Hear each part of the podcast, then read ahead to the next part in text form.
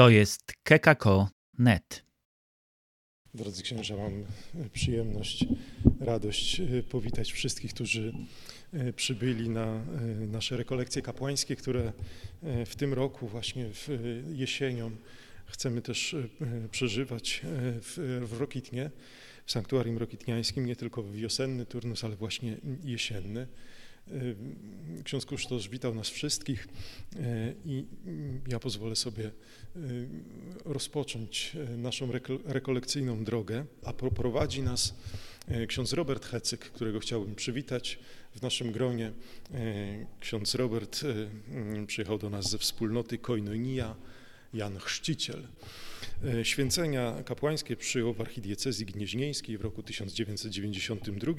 Obecnie jest kapłanem inkardynowanym do diecezji pilzneńskiej w Czechach i mieszka w Błotnicy koło, koło brzegu, w domu wspólnoty życia konsegrowanego. E, bardzo się cieszymy, że e, Robert jest z nami i prosimy o to, aby właśnie tym pierwszym słowem wprowadził nas na rekolekcyjną drogę. Pochwalony Jezus Chrystus.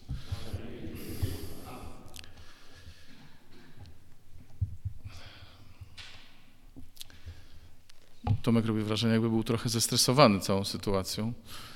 W sumie się nie dziwię, mm, chociaż to ja powinienem właściwie mieć większy stres stając tutaj wobec Was, dlatego że umówmy się, jeśli chodzi o kwalifikacje do tego, żeby prowadzić rekolekcje, y, każdy z Was mógłby tutaj stanąć na tym miejscu i to nie jest jakaś kokieteria, tylko jesteśmy w tej samej sytuacji. Ja nie mam żadnych tytułów, y, żadnych jakichś takich szczególnych e, kwalifikacji mówię, a Tomek się stresuje, bo nie, wiem, czy, nie wie, czy mu nie zrobię wstydu, bo to, te rekolekcje są owocem czystego kumoterstwa. Jesteśmy kolegami ze studiów z Tomkiem, studiowaliśmy razem dziennikarstwo w Warszawie i stąd się znamy. E, tak jakoś dość dobrze się dogadaliśmy, tam siedzieliśmy koło siebie, nie tylko dlatego, że akurat tam były miejsca, ale jakoś tak było dobrze ale teraz on nie wie, co ja powiem. Ja, ja pojadę, a on tu zostanie, więc to tak, to rozumiałbym jego stres w tym momencie. Bracia, jest tak, ja nie, nie chciałbym e, w niczym zagłuszyć tego, co Bóg chce powiedzieć do Was w tym czasie. E, jeśli mam coś do powiedzenia, e, mam nadzieję, że to się będzie do czegoś przydawać. To jest przede wszystkim czas, e, kiedy Pan ma e, do nas mówić, ale e, ma do nas mówić nie tylko w głębi naszych serc, w ciszy, bo nie wiem, czy to nie będzie jakaś herezja tutaj diecezjalna, ale ja nie proponuję ciszy na rekolekcjach. Ja proponuję, żebyśmy się spotykali, żebyśmy rozmawiali w przerwach, żebyśmy byli ze sobą, bo wspólnota to jest coś takiego, co jest potrzebne każdemu księdzu, nawet jeżeli mu się wydaje, że już się przyzwyczaił i że nie. Ale potrzebujemy siebie nawzajem, potrzebujemy gadać ze sobą, pić ze sobą kawę, być po prostu po bratersku ze sobą. Ja też się średnio odnajduję w funkcji tak zwanego ojca rekolekcjonisty, więc e, ci z Was, bracia, którzy uznają, że możemy sobie mówić po imieniu, niech do mnie mówią po imieniu. Rozumiem, że są też starsi bracia, którzy mogą nie czuć takiego bluesa, że tak powiem, więc e, będę się orientował, jak mam się do Was zwracać po tym, jak Wy się będziecie do mnie zwracali, więc e, także myślę, że to tak najlepiej zrobić. E, mam przed sobą takie pudełeczko, które jest urządzeniem do czytania braillem. Zauważyliście, że Tomek mnie wprowadzał tutaj na ambonę, nie dlatego, że w ciągu że, że w południe upiłem się młodym winem albo coś takiego, e, tylko dlatego, że ja od urodzenia praktycznie nie widzę. W tej chwili nie widzę w ogóle. E, jak byłem dzieckiem i młodym chłopakiem, to miałem takie resztki wzroku na pół procenta powiedzmy. No ale to nie zmieniało postaci rzeczy, że uczyłem się od początku czytać braillem, bo to nie było tak dużo, żebym, żebym cokolwiek więcej widział. Skończyłem seminarium w tym właśnie stanie i to też jest e, taki element mojego świadectwa, mojego powołania, bo ja sobie zadawałem pytanie, czy ja sobie tego powołania nie wymyśliłem. mówię, panie, ty musisz to przeprowadzić wszystko, żebym nie tylko zdał maturę, ale jeszcze, żeby mnie przyjęli do tego seminarium, bo mi się wydawało i słusznie w czasie, kiedy e, Pan mnie powoływał, że Właściwie nie powinni mnie przełożeni przyjąć w seminarium jako niewidomego. To był rok 83. Ale jak mówimy rok 83, później się tego dowiedziałem na studiach, to był też rok, jak wiecie, kiedy się zmieniło prawo kanoniczne i w tym dokładnie roku w prawie kanonicznym pojawił się zapis o tym, że to biskup decyduje o tym, czy stan zdrowia umożliwia kandydatowi przyjęcie święceń, czy w ogóle przygotowywanie się do kapłaństwa. Więc takie to opatrznościowe było dla mnie. Ja sobie zdałem sprawę, że Pan Bóg jakby podpisał się pod tym moim powołaniem. No, podpisał się przede wszystkim przez święcenia, więc nigdy nie miałem później wątpliwości, czy On mnie powołał. Jak już mnie e, uczynił swoim sługą, to wiedziałem, że cokolwiek byłoby na drodze, to to jest przeszkoda do przejścia, a nie przeszkoda, która mnie ma zawrócić z drogi. To z takich rzeczy, myślę, kluczowych, to chciałbym Wam o tym powiedzieć. Jeszcze mm, o mojej wspólnocie, bo rok po święceniach poznałem moją wspólnotę Koinonia Jan Chrzciciel. Ona jest wspólnotą nie tylko życia konsekrowanego, e, bo to jest wspólnota, do której należą również świeccy, około 10 tysięcy osób na całym świecie. W Polsce około tysiąca, e, konsekrowanych jest tam dwieście kilkadziesiąt, już w tej chwili nie wiem, bo to czasami się zmienia, ktoś tam wstępuje jednak. 200, między 250 a 300 w tej chwili nas jest konsekrowanych. W Polsce nas jest 20, 10, 18, 23 osoby. 23 osoby w trzech domach. Jeden dom pod Lublinem w Nowym Radzicu. Tam mieszkałem przeszło 20 lat. Od zeszłego roku mieszkam w Błotnicy pod Kołobrzegiem. I nowy dom teraz powstał w Sobótce koło Wrocławia. Także mm, pewnie będzie jeszcze okazja trochę poopowiadać o tym, co tu się stało i dlaczego akurat ta wspólnota. Bracia, jest tak. My jesteśmy przyzwyczajeni do tego, że mówią o nas alter Christus. No, ksiądz jest drugim Chrystusem w tym sensie, że to, do czego jesteśmy powołani, tego nie może zrobić nikt oprócz Chrystusa i oprócz tego, komu Chrystus e, pozwoli to robić. Pozwoli na mocy powołania, na mocy e, nałożenia rąk, czyli sakramentu kapłaństwa. I my jesteśmy do tego przyzwyczajeni. E, I to jest coś, do czego my musimy nieustannie dorastać. I czasami jest tak, że z jednej strony sami o sobie tak myślimy, bo wiemy, że nie dorastamy do tego. Z drugiej strony wiemy, że tym właśnie mamy być dla ludzi, ale kiedy tak się trochę wgryźć w, to, w ten temat bycia drugim Chrystusem, y, to jest tak, jakby się y, z nadmorza wspinać od razu na Rysy albo inny Monte Everest.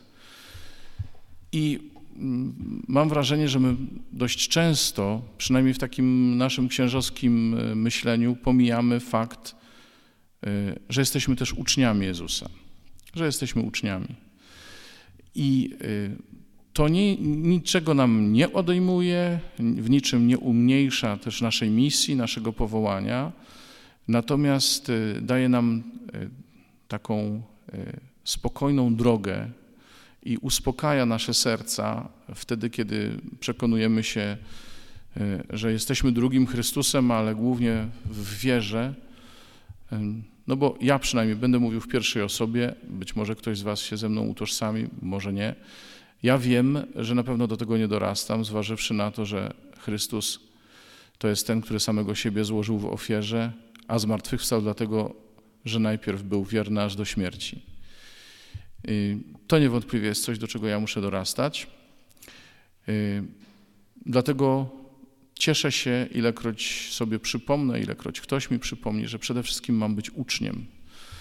Mam być kimś y, kształtowanym przez Jezusa. Bo bycie uczniem jest pewną drogą. To jest droga przebywania z mistrzem, droga upodabniania się do Niego, w naszej tożsamości, jak to mądrze się mówi, w tej, w tej ontologicznej przemianie, która nastąpiła i w nas, To wszystko jest, ale jak to się mówi w filozofii, w możności.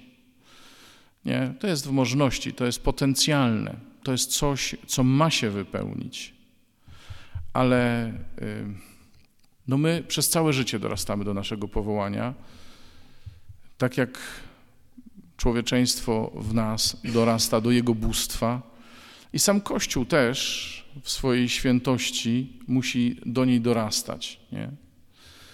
Y, to wszystko jest czas, to wszystko jest y, droga, która y, czasami kosztuje wysiłek, która odkrywa nam różne nowe rzeczy. W każdym razie jest to droga wzrostu. I tak naprawdę o ten wzrost chodzi w nas. Bo jeżeli nie wzrastamy, to umieramy. I te rekolekcje też mają właśnie taki cel, e, żebyśmy sobie zdali sprawę, gdzie jesteśmy i żebyśmy mogli postawić jakiś krok naprzód ewentualnie. To, co jest nam potrzebne, to, co nam jest potrzebne do stawiania tych kroków naprzód i w ogóle do wzrastania w naszym powołaniu, do najpierw do odpowiedzenia na to powołanie, to jest po pierwsze doświadczenie, a po drugie nasza osobista decyzja. Doświadczenie łaski, miłości i od, decyzja odpowiedzenia na niej, na nią. Łaska, która buduje na naszej naturze i która niczego z nami nie zrobi bez nas, bez naszej odpowiedzi. Taka dynamika. Taki to jest, y, taka, to jest nasz, taka to jest kolej rzeczy, że jesteśmy zaangażowani codziennie w to odpowiadanie. I to nas prowadzi do przemiany. Nadałem taki tytuł tym rekolekcjom: Co mnie przemienia? I dwuczęściowa odpowiedź na to pytanie brzmi: no właśnie, doświadczenie i decyzja. Doświadczenie, które e, musi być moim udziałem, tak jak było udziałem e, uczniów Jezusa, mieli doświadczenie przebywania z Nim, o tym doświadczeniu jeszcze będziemy mówić. I moja decyzja, co z tym doświadczeniem zrobię.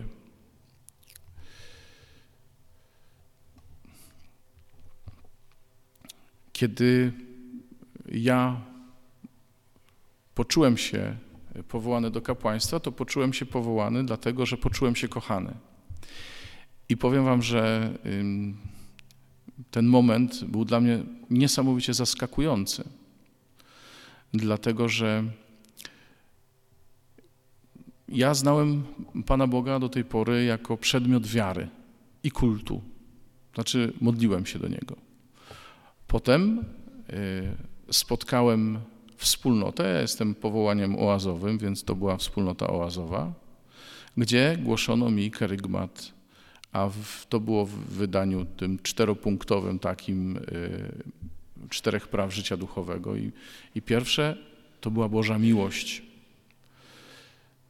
I to, że usłyszałem o Bożej miłości, to jeszcze pewnie by nie było nic y, tak mocnego dla mnie, ale to, że jej doświadczyłem, to było coś. I na dobrą sprawę, ja jeszcze wtedy oczywiście nie, nie zdawałem sobie sprawy, że to tak działa, że łaska domaga się odpowiedzi i tak dalej, i tak dalej, ale ja sobie wtedy y, uświadomiłem, że ja nie mogę zostać obojętny na to, co Bóg robi w moim życiu. I to, co mogłoby nam się przytrafić, nie wiem, czy się przytrafia, to znaczy mogę powiedzieć, że widziałem takie rzeczy. Nie wiem, czy wam się to przytrafia, ale ja nie chciałbym, żeby mnie to spotkało. To jest obojętność. To jest to, że ja mógłbym któregoś dnia nie odpowiedzieć Bogu. To jest to, że ja mógłbym powiedzieć: Ja już wszystko wiem, ja już wszystko słyszałem. Mnie już raczej nic nie zaskoczy. Gdyby mi się tak przytrafiło, to byłby to początek końca, albo musiałbym się poddać jakiejś duchowej terapii, albo psychoterapii, albo nie wiem czemu, żeby mi się poprzestawiało w głowie. Bo y, ten dynamizm między łaską a moją odpowiedzią na nią jest czymś, co musi się dziać codziennie we mnie. Ja wiem o tym, że to tak musi być. że codziennie muszę jakoś na nowo doświadczać właśnie, spotykać Boga. Wtedy mogę mówić o wzroście. Bracia, y, my nie tylko sami mamy, mamy wzrastać, ale my też towarzyszymy ludziom na drodze ich wzrostu. I czasami o tym pamiętamy, a czasami nie, bo jesteśmy przywaleni różnymi bardzo konkretnymi, codziennymi kwestiami, na przykład takimi, czy będziemy mieli czym zapłacić za prąd nie, w kościele, albo y, czy będziemy mieli czym zapłacić za remont w kościele. Więc myślenie też o tym, y, że ci wszyscy, którzy do mnie przychodzą, to są ludzie, którym ja mam towarzyszyć we wzroście, y, napot może napotykać na bardzo realistyczne przeszkody i takie dość prozaiczne rzeczy. No ale te rekolekcje służą również temu, e, żebyśmy sobie o tym przypomni, przypomnieli, że towarzyszymy tym, którym służymy, jesteśmy świadkami również dla tych, którzy są daleko, no i musimy stawiać też pewne e, jakieś etapy czy wymagania, czy być wsparciem dla tych, którzy już są w Kościele. Co oni mają robić? E, jak, jak im e, możemy pomóc wzrastać, dojrzewać w wierze. No i co zrobić, żeby w kościele nie tylko nie ubywało, ale żeby też ludzie przychodzili. No i to jest jedna z tych rzeczy, które niestety, mm, trzeba to sobie powiedzieć, idą nam średnio. To znaczy, my jesteśmy przyzwyczajeni, słuchajcie, że są ludzie w kościele i ich trzeba obsłużyć, ale tych ludzi w kościele mamy coraz mniej. I zawsze było tak, że wielu było poza Kościołem. I ja nie mogę się nadziwić temu, że my w Kościele działamy tak, jakby nie było problemu. I żeby nie było, że mówię tylko tutaj o Kościele w Polsce, bo taki znam naj, najbardziej, to powiem wam, że jak pojechałem do Witebska, y, tam prowadziłem rekolekcje parafialne y, u Dominikanów, to jak mi powiedzieli, jaki procent ludzi w ogóle tam chodzi do kościoła i jak zobaczyłem, jak tam wygląda duszpasterstwo, to masakra. Y, ci, którzy coś robią, co, którzy ewangelizują, którzy wychodzą na zewnątrz, są trochę traktowani jak takie enfant terrible, jakieś takie, wie, wiecie, takie dziwaczne, niegrzeczne dzieci, które nie wiadomo, co z nimi zrobić. Y, tam też się czeka na ludzi, którzy przyjdą do kościoła, a przychodzi ich półtora procenta i to do wszystkich kościołów, nie tylko do katolików. Więc wiecie, y, duch misyjny w nas, my czasami się dziwimy, dziwimy że, że papież Franciszek nas wysyła na peryferię i tak dalej, ale bo nas jest ciężko wysłać na peryferię. Trzeba było aż Ducha Świętego, żeby uczniów wywalił y, z wieczernika, bo oni się bali, co się będzie z nimi działo, że ich zabiją tak, jak zabili Jezusa. I my też nie za bardzo mamy narzędzia. Mówię za siebie. Mnie w seminarium nie uczono ewangelizować. Mnie w seminarium nie pokazano żadnej metody, żadnego sposobu na to, jak wyjść do ludzi na zewnątrz. Dostałem narzędzia duszpasterstwa, owszem, tak, ale tyle. Zresztą słuchajcie, umówmy się, seminarium też nie wypuszcza gotowego produktu, prawda? seminarium też wypuszcza e, takie ziarenko, które musi się zakorzenić, ale zanim się zakorzeni, to musi wpaść w glebę i tak jakby go nie było. E, więc my, my też z seminarium wyszliśmy mm, jako takie bezbronne trochę dzieci, rzucone e, w duszpasterstwo. Byliśmy bezbronni, ale z drugiej strony wychowywani, że mamy być autorytetem dla ludzi że mamy być kimś, kto będzie punktem odniesienia dla nich. No i to czasami nas przerasta. Bo, bo dlaczego?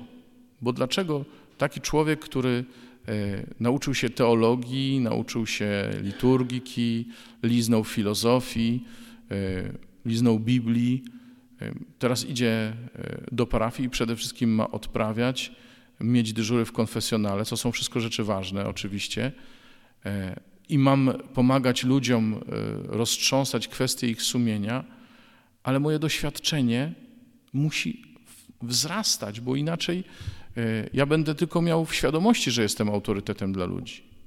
Autorytetu się nie zdobędzie tylko przez sam fakt, że się jest księdzem. Kiedyś może tak było, bo, bo rola księdza, bo znaczenie księdza w różnych społecznościach, zwłaszcza wiejskich, ale nie tylko, było znacznie większe niż dzisiaj. A dzisiaj, jak nie będziemy naprawdę autorytetami, e, to nie będziemy nikim.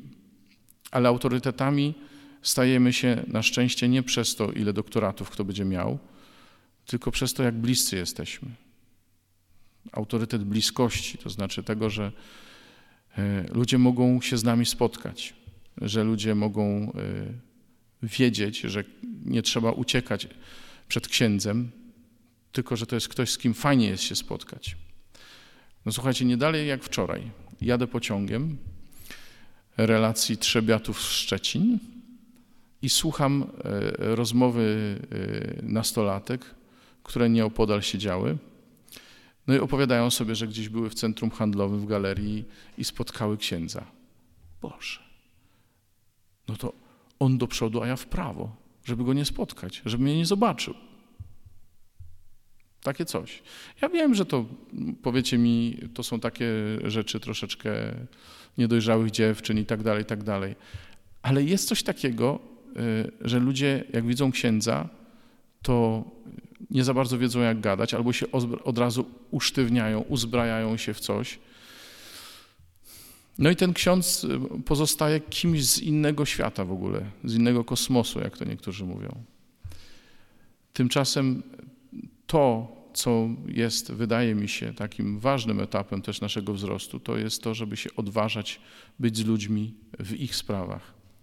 Bo my wtedy dopiero y, zaczynamy być dla nich księżmi, prezbiterami, starszymi w wierze, nie obcymi, tylko kimś, za kim się da pójść, albo kto może mi pokazać drogę, albo kto może mi przynajmniej pokazać, co jest y, do wyboru i jakie są kryteria tego wyboru w świetle Ewangelii. My jesteśmy bardzo ważni dla nich, ale nie dlatego, że możemy sprawować sakramenty. To też, ale przede wszystkim dlatego, że możemy być dla nich oparciem.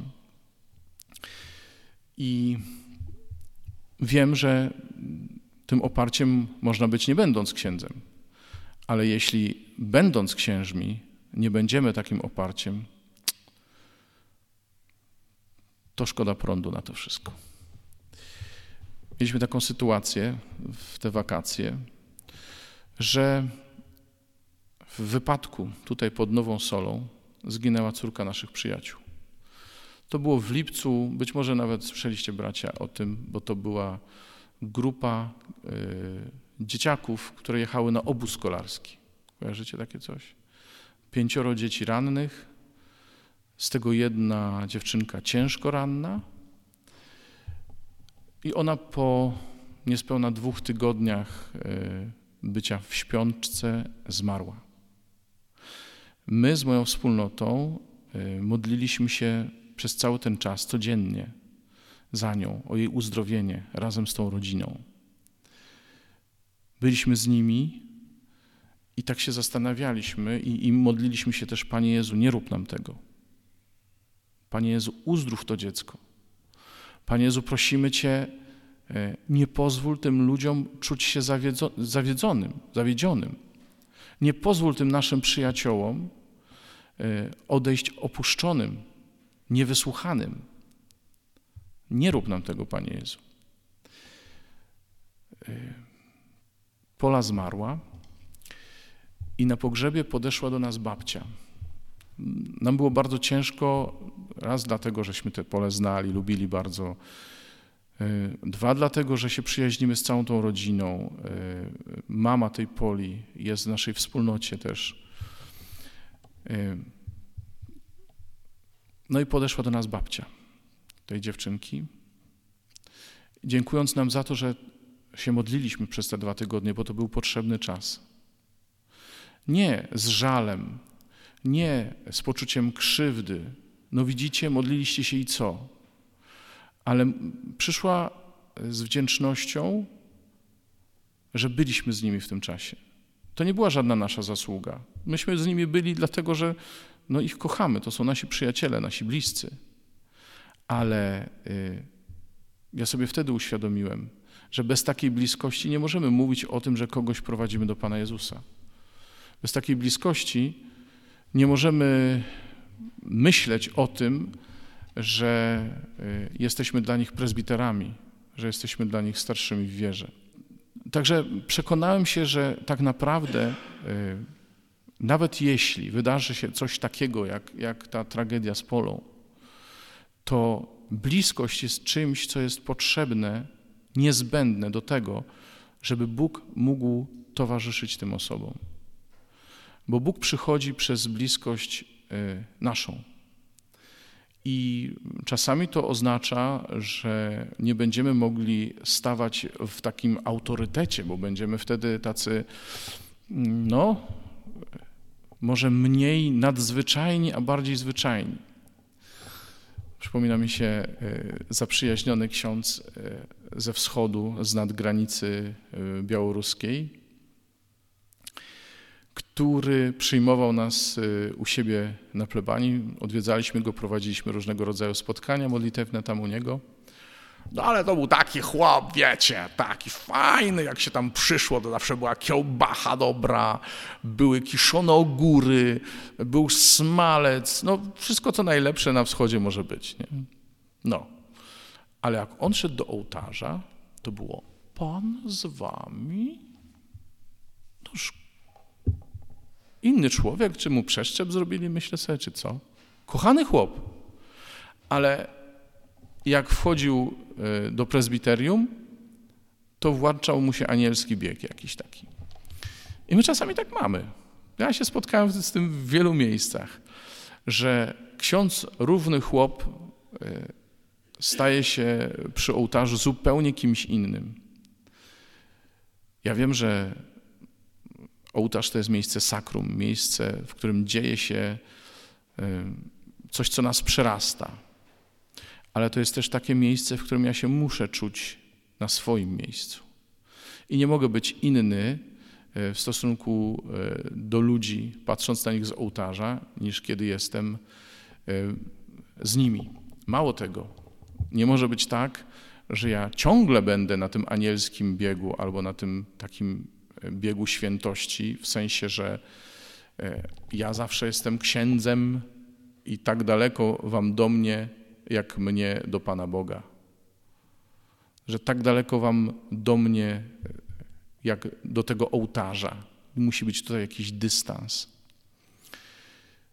Mm, wiem, że to, co mówię, e, budzi kontrowersje u, u, wielu braci, zwłaszcza bardziej tradycyjnie nastawionych. I to nie jest kwestia tylko wieku czy ktoś jest ode mnie starszy, czy ktoś jest ode mnie młodszy. Ja mam 53 lata. Ale to jest kwestia e, właśnie takiego troszkę nastawienia i tego, jak my widzimy rolę księdza.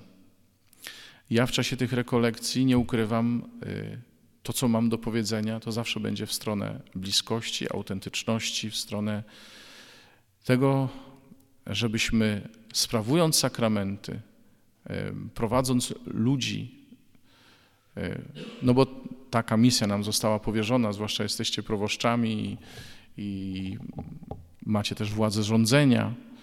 W tym wszystkim ja muszę być, to, to co mówił e, papież Franciszek, i na przedzie, no mówił to o biskupach, ale to tak naprawdę o każdym starszym w wierze, trzeba to powiedzieć, i na przedzie, i wśród nich, wśród wiernych, wśród e, braci i sióstr naszych, i na końcu towarzysząc najsłabszym. I muszę nimi pachnieć. To jest to, co przetłumaczono na początku, że, że muszę e, wyczuwać owce. Nie, nie, ja muszę nimi pachnieć. Muszę się zgodzić na to, że będę pachniał tak jak moje owce, że będę, e, że przyjmę to, kim one są. I teraz dobrze mnie zrozumiecie, bracia. Nie chodzi mi o to, że ja mam e, przyjąć mentalność świata, że ja mam się zidentyfikować z tym wszystkim, z czym się Jezus nie identyfikował. Ale e, ja mam po prostu mm, wziąć na siebie wszystko to, co jest ich udziałem, tak jak to zrobił Jezus. Od Jezusa się uczę przyjmować grzeszników, od Jezusa się uczę e, mojego stosunku do ludzi religijnych, ale to od Jezusa się uczę. Dlatego, czy jestem na przedzie, czy jestem z tyłu, czy jestem e, w środku, to jestem zawsze dla nich. I ciągle się uczę, co to znaczy wola Boża dla mnie, bo mam skłonność jako ksiądz i tu muszę powiedzieć, że muszę sam się bić w piersi, żeby ludziom pokazywać, co Bóg, czego Bóg od nich chce, a to oni sami to muszą odkryć. Ja sam nie zawsze wiem, czego Bóg ode mnie chce. Ja mam łatwiej, bo e, jestem we wspólnocie i we wspólnocie dużo łatwiej się odkrywa wolę Bożą, bo jak się człowiek musi sam uporać z tym, żeby tę wolę Bożą odkryć, no to czasami jest ciężko. Ale we wspólnocie to ci powiedzą bracia. To ci powiedzą od razu, co jest nie tak ewentualnie, albo co powinieneś zmienić. Niemniej y, tę wolę Bożą chętnie wyjaśniam ludziom i musiałem się przez lata uczyć tego, żeby nie próbować znaleźć rozwiązań y, dla ludzi, bo Jezus jest ich rozwiązaniem. I zamiast być wśród nich, zamiast być ewentualnie na czele, kiedy trzeba czasami zawołać: hej, idziemy, zamiast być z tyłu gdzieś, e, żeby podtrzymywać najsłabszych, e, to ja wywijałem paluszkiem i pokazywałem to, tamto, owo, tu jest rozwiązanie. Nie? Naprawdę, wierzcie mi, długo, długo musiałem dojrzewać do tego, żeby e, powiedzieć sobie, to nie ty jesteś rozwiązaniem, nie ty musisz je znaleźć, ale to Jezus jest ich rozwiązaniem. I tak długo, jak długo ty nie będziesz, mówiłem sobie, prowadził ludzi do e, Jezusa i pokazywał im, e, jak go słuchać, jak od niego się uczyć, tak długo będziesz im pokazywał fałszywą drogę. I to jest coś, czego ja się ciągle muszę nie tylko uczyć, ale o czym sobie muszę przypominać, bo przychodzi ktoś do spowiedzi i człowiek sobie myśli, no przecież jak? No przecież to wszystko widać na pierwszy rzut oka, że to, to, to, to, to i tamto. Ale on tego nie widzi. On musi do tego dojść. Ja muszę mu w tym towarzyszyć, pomóc mu to rozpoznać. I wiem, że y, to jest droga mojego wzrostu. Wzrostu nie tylko w y, moim rozumieniu mojego powołania, ale też w relacjach z ludźmi. I czasami to jest, y, no, to, to bywa powodem kryzysów nie do przezwyciężenia że my jesteśmy sami i nie potrafimy y, y, czasem się z ludźmi dogadać, bo jesteśmy jakby na, innym, y, na innej planecie. I mm, spotykałem się z braćmi w kapłaństwie przy różnego rodzaju okazjach, na przykład prowadząc rekolekcje w parafii i widziałem mniej więcej, jak wygląda ich relacja z ludźmi. Więc spotykałem się na przykład z takimi, którzy mieli fantastyczną relację E, gdzie ludzie ich szanowali, oni szanowali ludzi, mieli kontakt bardzo bezpośredni. E, tak, znam takich. Ale też znałem takich, którzy nie byli w stanie nic zrobić w parafii, dlatego że nie umieli poprosić. Sami sprzątali sobie kościół, ludzie nie chcieli przychodzić, sprzątać kościoła. Sami sobie sprzątali kościół, ale nie poprosili. Mieli zimno, e, sami sobie gotowali albo tak raczej marnie jedli, ale nie poprosili, nie dogadali się. I słuchajcie, o tym też będziemy mówić. Są różne temperamenty, różne charaktery. Niemniej my, na, na, wyzwaniem, które przed nami stoi, to jest właśnie wyzwanie, żeby przełamywać to, co jest słabością naszego charakteru, bo to jest droga dorastania do naszego powołania.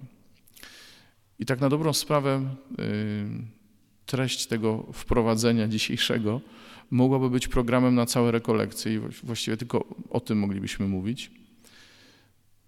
Ja z tego będę wychodził do e, dalszych części, a będziemy mówić no właśnie o doświadczeniu, szeroko pojętym naszym doświadczeniu, o decyzji, do, do jakich jesteśmy wzywani i o samej przemianie, jaka się w nas dokonuje. Kiedy się dokonuje? Mm, dzięki komu lub czemu w jakich warunkach się dokonuje ta przemiana. To o tym y, będziemy mówić. Mówię, chciałbym wyczuć ten moment, w którym już jest dosyć słowa, a w którym, w którym jest czas na y, rozmowy. I chciałbym też, żebyśmy mogli szczerze ze sobą rozmawiać, nie tylko tutaj w kaplicy, ale po prostu normalnie tak gadać ze sobą jak ludzie, nie na zasadzie ktoś komuś mówi, albo ten rekolekcjonista to to, to czy tamto, tylko przychodzicie e, rozmawiać, nawet jeżeli się nie zgadzacie w tym, co ja mówię. E, nie ma obowiązku się zgadzać z tym, co ja mówię. Najważniejszy jest ten rezonans, który wywoła w was to, co słyszycie. Bo może e, ktoś się na coś zbuntuje, może komuś się coś nie spodoba, ale może właśnie przez ten bunt, czy to przez jakiś nie Mm, niezgodę na coś, co będę mówił, Bóg też może do was przemówić. To ja się na to zgadzam. Y, nawiasem mówiąc, początek mojej przyjaźni z moją obecną wspólnotą wziął się właśnie stąd, że wziąłem udział w kursie Filip. To niektórzy pewnie znają. Kurs ewangelizacyjny, krótki dość, który, no właśnie moja wspólnota przyniosła do Polski, bo on się narodził w, w mojej wspólnocie. Y, początkowo służył formacji członków wspólnoty, dopiero później y, okazało się, że to świetne narzędzie ewangelizacyjne na zewnątrz jest. I w 1993 roku w Bydgoszczy, skąd pochodzę, był taki duży kurs Filip, który zorganizowaliśmy i przyjechało y, tam 550 osób, z czego 50 to była ekipa tego kursu. I między innymi było dwóch braci z Koinonii Jan Chrzciciel, którzy głosili, znaczy głosiła również ekipa, ale ci główni mówcy to byli właśnie oni, świętej pamięci Emanuel, później ojciec Emanuel i Alvaro, y, który w tej chwili jest y, pasterzem oazy w Camparmo, czyli naszego domu w Camparmo, tego miejsca, w tym miejscu, gdzie wspólnota powstała. I oni głosili Ewangelię, ale to, co mnie poruszyło i sprawiło, że ja chciałem E, być w tej wspólnocie, to było to, że oni mi głosili Słowo Boże, ale tak, żebym ja musiał na nie odpowiedzieć. I żebym nie pozostał na nie obojętny. Wracam do tego, co powiedziałem na początku. I e, ja nie musiałem się z nimi zgadzać, ale ja wiedziałem, że oni mi ogłosili jakąś Ewangelię i ja albo ją przyjmę, albo ją odrzucę. I, i to jest to.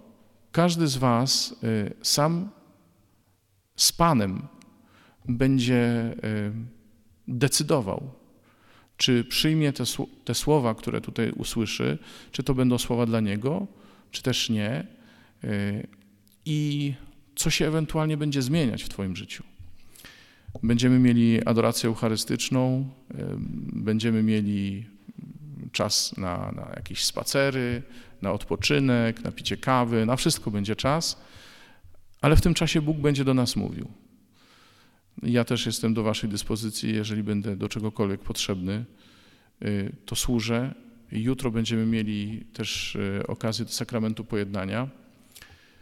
Y, jesteśmy już dużymi księżmi, więc myślę, że sobie poradzimy, choć ksiądz kustosz zaprosił jeszcze ojca misjonarza tutaj do pomocy, do, do spowiadania, ale mam nadzieję, że też posłużymy sobie nawzajem tutaj. Co jeszcze będzie? No oczywiście będą Eucharystie i będzie jeden film, którym bym się chciał z wami podzielić. Zupełnie świecki film, notabene. Także to.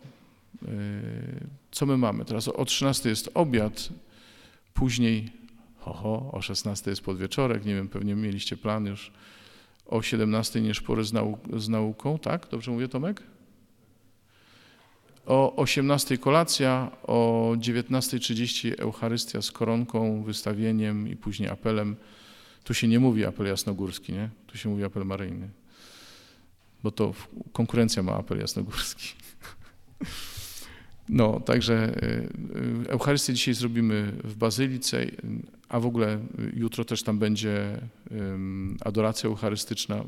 Fajnie jest trochę być z jednej strony w obecności Jezusa, ale też popatrzeć w oczy Matce Bożej, która słucha. Bardzo mnie ujął w ogóle ten obraz tutejszy, tej młodej dziewczyny, e, z odsłoniętym uchem. Dość dokładnie mi e, ksiądz kustosz opowiedział o tym wszystkim. E, bardzo mnie to ujęło.